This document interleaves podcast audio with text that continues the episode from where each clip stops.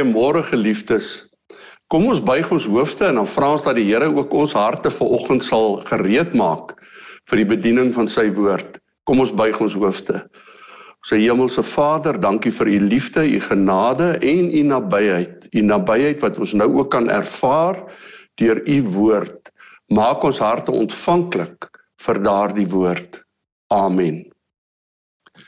Geliefde, het jy al gedink wat jy sal doen as jy hoor dis vandag jou laaste dag op hierdie aarde?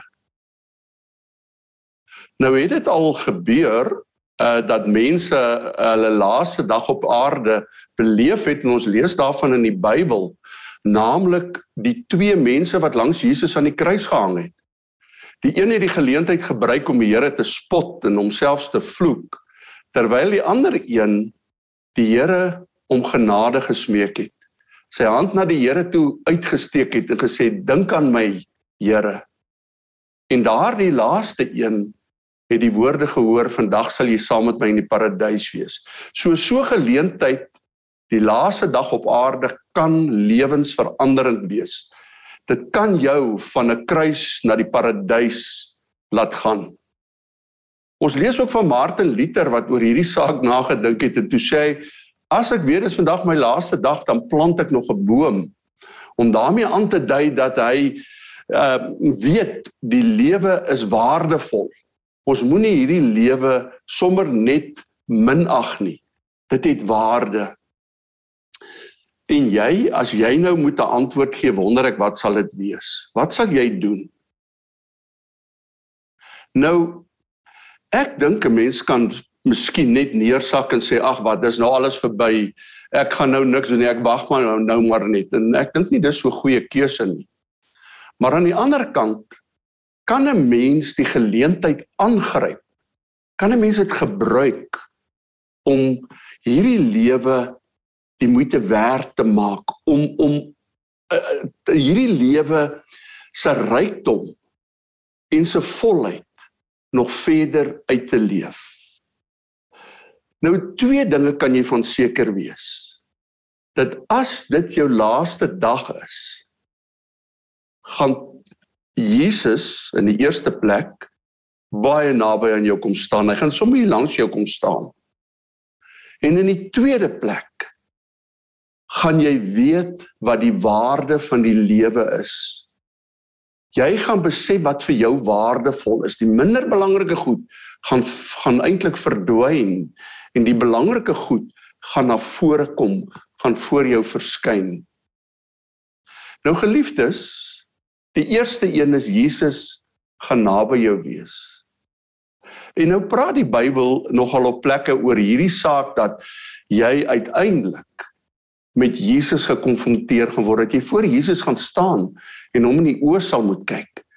En dan sê Johannes, Jesus se getroue disipel, dan moet jy sorg dat jy nie skaam is nie.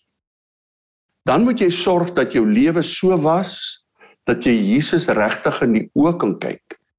Want jy sal daai oomblik nie kan ontglip nie.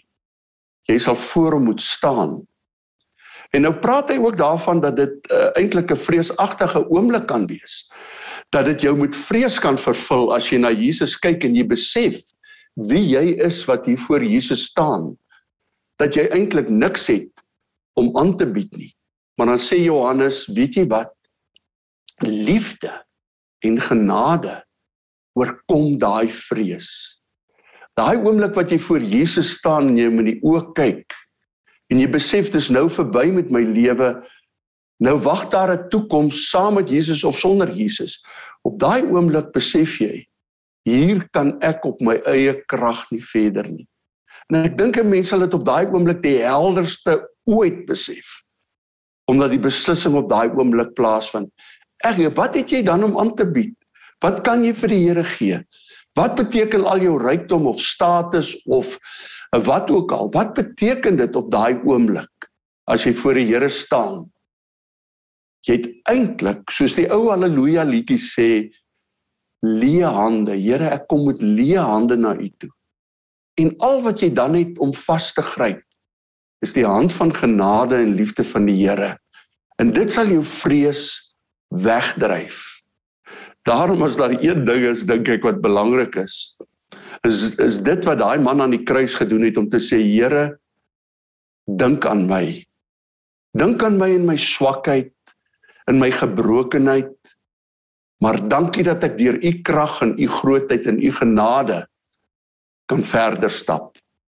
So die een ding is jy moet besef jy gaan direk met Jesus kontak hê, voor hom staan. En jy moet seker wees dat nie skaamte of vrees jou oorweldig nie, maar sy genade. Nou die tweede ding dink ek wat definitief gaan gebeur is die dinge wat regtig saak maak in jou lewe gaan na vore kom. Dit gaan amper wees asof jou lewe in twee dele verdeel. Dinge wat belangrik is, gaan na vore tree. Dinge wat ook vir die Here belangrik is, gaan na vore tree.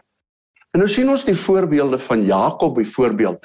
Toe hy op sy sterfbed gelê het, sy laaste dag met ander woorde, het hy al sy familie nader geroep, sy kinders, en hy het mooi met hulle gepraat en hulle geseën en hulle die beste toegewens vir die toekoms. Ons het ook vir Jesus wat die laaste aand voor hy gekruisig is, saam met sy disippels, saam met die mense wat vir hom saak maak, deurgebring het. En daar het hy met hulle gepraat Hy het hulle voete gewas. Hy het hulle van die toekoms vertel. Hy het hulle moed ingepraat. Hy het gesê gee hulle vrede in hierdie wêreld. Met ander woorde, daai laaste oomblikke toe Jesus by sy disippels was, het hy regtig 'n verskil gemaak in hulle lewe deur sy genade en liefde en toewyding ook aan hulle te verseker. En jy, wat gaan jy doen as jy so uh op jou laaste dag dinge moet doen.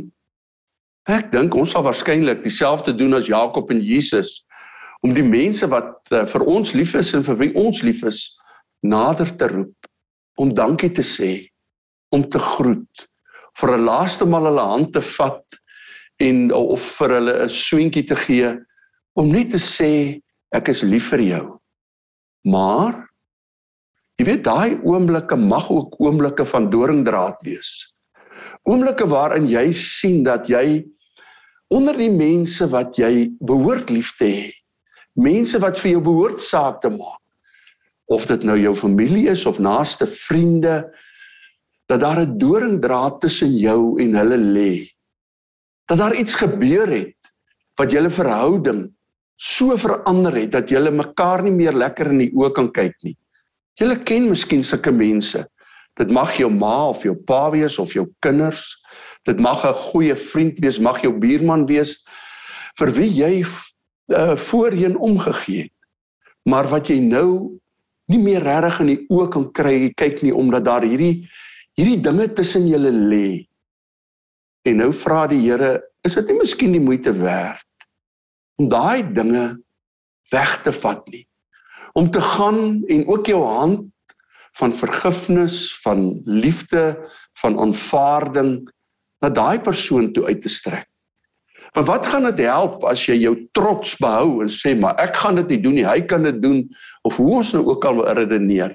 Wat gaan dit help as jy voor die Here staan en sê Here, weet jy ek kon daai man nie weer in die oë kyk nie want ek was te trots, ek wou nie ek ensovoorts. Dit gaan mos niks help nie. Die Here sê dis 'n oomblik waarin jy jou hand moet uitsteek. En nou weet ons geliefdes dat 'n uh, uh, verhoudings kom van twee kante af, van sy kant af en van my kant af. En ek kan van my kant af doen wat ek kan. Ek kan my hand uitsteek. Maar hy kan weier om my hand te vat. Hy kan weier om my vergifnis te aanvaar. Maar dan moet ek my nie daaroor bekommer nie. Dan het ek my deel gedoen dan lê die onus by hom. Hy sal net soos ek ook voor die Here moet staan. Maar jy weet daar's ook 'n ander ding wat belangrik is. Ek dink aan die verhaal van Lazarus en die arme man. Jy weet Lazarus het elke dag lekker geëet, vertel Lukas se evangelie vir ons. En arme Lazarus het daar buite gelê en gewag vir die krummeltjies van sy tafel en hy was vol sere en uh die Bybel sê die honde het sy sere gelek. Wat beteken hy het nie medisyne gehad nie. So sy toestand was nie baie goed nie. Maar Lazarus het dit misgekyk. Dink nou net wat sou gebeur het as Lazarus daar opgestaan het en nou ag as die ryk man daar opgestaan het en na Lazarus daar by sy agterdeur toe gestap het. Sy hand gevat het. Sy sere vir hom gedokter het. Vir hom 'n behoorlike bord kos gegee het. Dink watter verskil sou dit maak? Want ons lees Lazarus is dood en toe sit hy in die hemel, uh, uh, uh, die hemelse wêreld. Toe sien hy daar aan die een kant staan 'n uh, Lazarus saam met uh, ehm um, uh die ou aardsvaders Abraham hulle. Maar daar's 'n groot kloof en hy wat die ryk man is, staan aan die ander kant en hy kan niks doen nie. Hy kan nie eers vir Lazarus terugstuur om sy broers en susters te gaan waarsku nie. Het hy maar net daardie stap geneem om Lazarus voor sy agterdeur raak te sien en aan hom liefde te bewys om aan hom te doen wat hy graag wou gehad het God aan sy familie en aan homself moet doen om aan hom genade te betoon.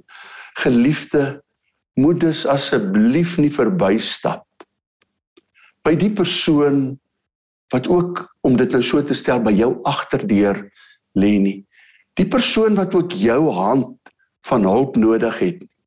En nou praat ons nie van almal nie. Die hele Israel het nie daarvoor Lazarus uh, voor die ryk man se deur gelê nie. Lazarus het daar gelê. Dit was die een wat God op die hart van die ryk man geplaas het.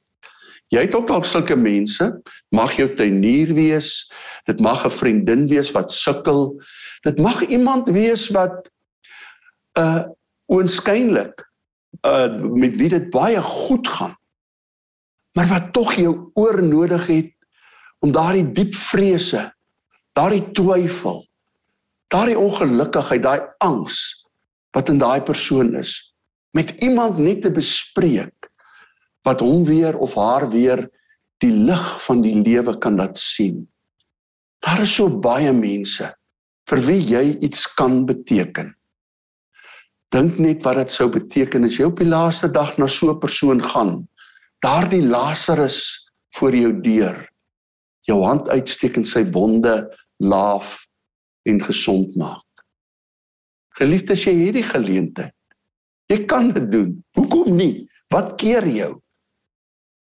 Wat gaan jou jou help as jy dan voor die Here staan en hom in die oë kyk en sê, "Weet jy Here, ek was so besig.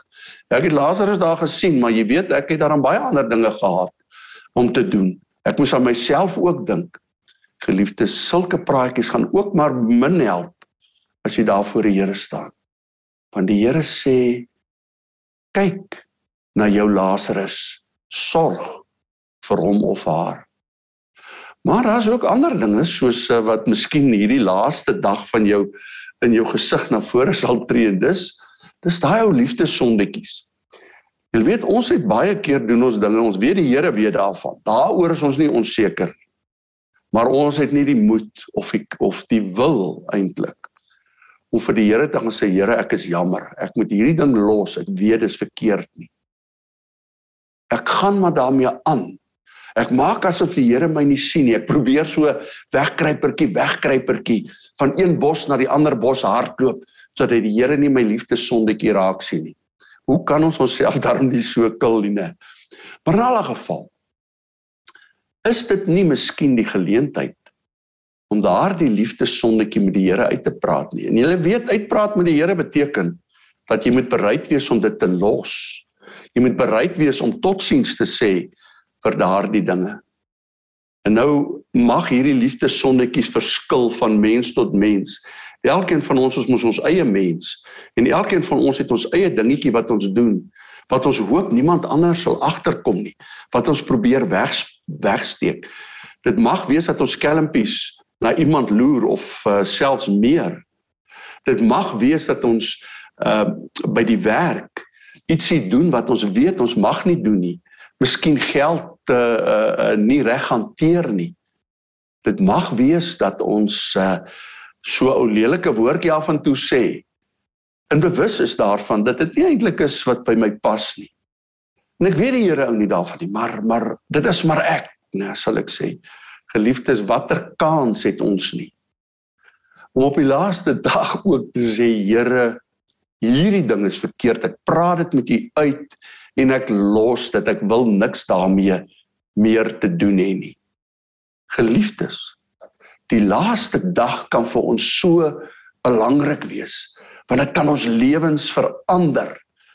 Ons kan dinge doen, dinge regmaak, hulp verleen op maniere waar uh uh dit regtig vir my en vir die ander lewens veranderend is want jy weet hierdie dinge al hierdie dinge waar ons nou gepraat het kan soos 'n kanker binne in 'n mens groei jy bære dit hier agter in jou kop en dit maak jou onrustig. Dit maak dit neem jou vrymoedigheid weg as jy daar voor die Here staan in gebed. Moet jy voel dit is nie heeltemal reg in my lewe nie. Raak ontslaa daarvan.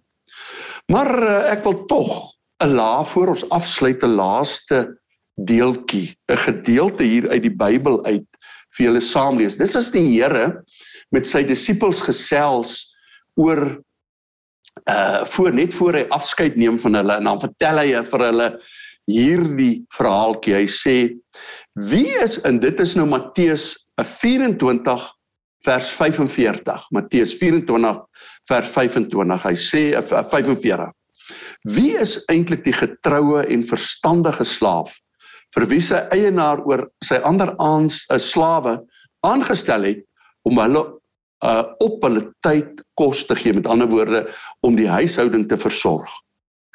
Dit is die slaaf vir wie sy eienaar by sy tuiskom so aan die werk sal kry. Dan word hy besig met wat die uh, uh huiseienaar hom gesê het om te doen. Toe die huiseienaar op die laaste dag daar aankom, kry hy hom so uh, besig en hoor wat sê die Bybel van hom. Hy sê gelukkig is hy. Dit verseker ek julle. Hy sal hom aanstel oor alles wat hy besit. En nou die tweede deel van die verhaal. Maar as dit 'n slegte slaaf is, sal hy by homself dink: "Hm, my eienaar bly lank weg dan sal hy die ander slawe begin slaan en saam met die dronkaards eet en drink. Met ander woorde, hy sal tevrede wees om die dinge te doen wat nou nie heeltemal reg is nie. Die eienaar van daardie slaaf sal op 'n dag kom dat hy dit nie verwag nie en op 'n uur wat hy vooraf nie weet nie. Dan sal sy eienaar hom laat doodmaak en hom die lot van hygelaars laat deel.